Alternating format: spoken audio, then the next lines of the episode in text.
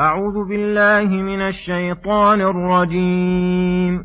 بسم الله الرحمن الرحيم. يا أيها الذين آمنوا أوفوا بالعقود. أحلت لكم بهيمة الأنعام إلا ما يتلى عليكم غير محل الصيد وأنتم حرم إن الله يحكم ما يريد يا أيها الذين آمنوا لا تحلوا شعائر الله ولا الشهر الحرام ولا الهدي ولا القلائد ولا آمين البيت الحرام ولا آمين البيت الحرام يبتغون فضلا من ربهم ورضوانا وإذا حللتم فاصطادوا ولا يجرمنكم شنآن قوم أن صدوكم عن المسجد الحرام أن تعتدوا وتعاونوا على البر والتقوى ولا تعاونوا على الإثم والعدوان واتقوا الله إن الله شديد العقاب. بسم الله الرحمن الرحيم. السلام عليكم ورحمة الله وبركاته. يقول الله سبحانه يا أيها الذين آمنوا أوفوا بالعقود وحلت لكم بهيمة الأنعام إلا ما يتلى عليكم غير محل الصيد وأنتم حرم إن الله يحكم ما يريد. هذا أمر من الله تعالى لعباده المؤمنين بما يقتضيه الإيمان بالوفاء بالعقود أي بإكمالها وإتمامها وعدم نقضها ونقصها. وهذا شامل العقود التي بين العبد وبين ربه من التزام عبوديته والقيام بها أتم قيام. وعدم انتقاص من حقوقها شيئا والتي بينه وبين الرسول بطاعته واتباعه والتي بينه وبين الوالدين والأقارب ببرهم وصلتهم وعدم قطيعتهم والتي بينه وبين أصحابه من القيام بحقوق الصحبة في الغنى والفقر واليسر والعسر والتي بينه وبين الخلق من عقود المعاملات كالبيع والإجارة ونحوهما وعقود التبرعات كالهبة ونحوها والقيام بحقوق المسلمين التي عقدها الله بينهم في قوله إنما المؤمنون إخوة بل التناصر على الحق والتعاون عليه والتآلف بين المسلمين وعدم التقاطع فهذا الأمر شامل لأصول الدين وفروعه فكلها داخلة في العقود التي أمر الله بالقيام بها.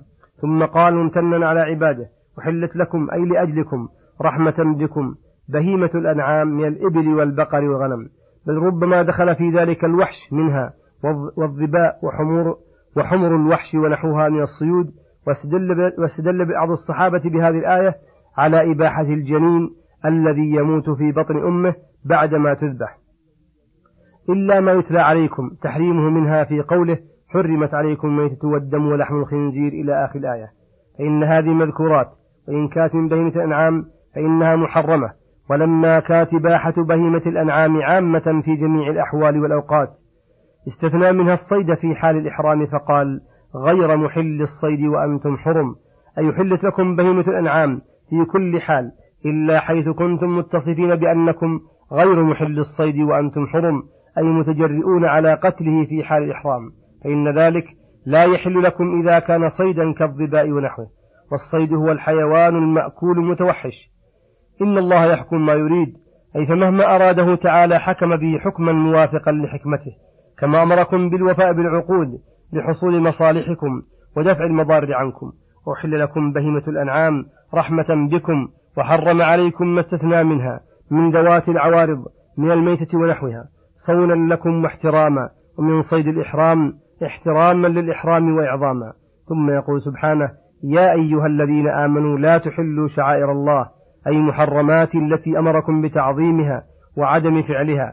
فالنهي يشمل النهي عن فعلها والنهي عن اعتقاد حلها فهو يشمل النهي عن فعل القبيح وعن اعتقاده. ويدخل في ذلك النهي عن محرمات الإحرام ومحرمات الحرم. ويدخل في ذلك ما نص عليه بقوله ولا الشهر الحرام أي لا تنتهكوا بالقتال فيه وغيره من أنواع الظلم كما قال تعالى إن عدة الشهور عند الله اثنا عشر شهرا في كتاب الله يوم خلق السماوات والأرض منها أربعة حرم ذلك الدين القيم فلا تظلموا فيهن أنفسكم. والجمهور من العلماء على أن القتال في أشهر الحرم منسوخ بقوله تعالى فإذا انسلخ الأشهر الحرم فاقتلوا المشركين حيث وجدتموهم وغير ذلك من عمومات التي فيها الأمر بقتال الكفار مطلقا والوعيد في التخلف عن قتالهم مطلقا. وبأن النبي صلى الله عليه وسلم قاتل أهل الطائف في ذي القعدة وهو من أشهر الحرم فقال آخرون إن النهي عن قتال في أشهر الحرم غير منسوخ لهذه الآية وغيرها مما فيه النهي عن ذلك بخصوصه. وحملوا النصوص المطلقة الواردة على ذلك فقالوا المطلق يحمل على المقيد. وفصل بعضهم فقال لا يجوز ابتداء القتال في الأشهر الحرم وأما استدامته وتكميله إذا كان أوله في غيرها فإنه يجوز. وحملوا قتال النبي صلى الله عليه وسلم لأهل الطائف على ذلك لأن أول قتالهم في حنين في شوال. وكل هذا في القتال الذي ليس المقصود منه الدفع. فأما قتال الدفع إذا ابتدأ الكفار المسلمين بقتال فإنه يجوز للمسلمين القتال دفعا عن أنفسهم في الشهر الحرام وغيره بإجماع العلماء. وقوله ولا الهدي ولا القلائد أي ولا تحل الهدي الذي يهدى إلى بيت الله في حج أو عمرة أو غيرها من نعم وغيرها فلا تصدوه عن وصول إلى محله ولا تأخذوه بسرقة أو غيرها. ولا تقصروا به أو تحملوه ما لا يطيق. خوفا من تلفه قبل وصوله إلى محله بل عظموه وعظموا من جاء به. ولا القلائد هذا نوع خاص من أنواع الهدي وهو الهدي الذي يفتل له قلائد أو عرى فيجعل في أعناقه إظهارا لشعائر الله وحملا للناس على الاقتداء وتعليما لهم للسنة وليعرف أنه هدي فيحرم. ولهذا كان تقييد الهدي من السنة والشعائر المسنونة ولا آمن البيت الحرام أي قاصدين له يبتغون فضلا من ربهم ورضوانا. أي من قصد هذا البيت الحرام وقصده فضل الله بالتجارة والمكاسب المباحة أو قصد رضوان الله بحجة بحجة بحجه وعمرته والطواف به والصلاة وغيرها من أنواع العبادات فلا تتعرضوا له بسوء ولا تهينوه بل أكرموه وعظموه بل أكرموه وعظموا الوافدين الزائرين لبيت, لبيت ربكم. ودخل في هذا الأمر بتأمين الطرق الموصلة إلى بيت الله وجعل القاصدين له مطمئنين مستريحين غير خائفين على أنفسهم من القتل فما دونه ولا على أموالهم من المكس والنهب ونحو ذلك.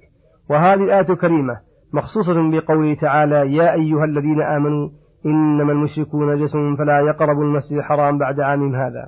فالمشرك لا يمكن من الدخول إلى الحرم. والتخصيص في هذه الآية بالنهي عن التعرض لمن قصد البيت ابتغاء فضل الله أو رضوانه.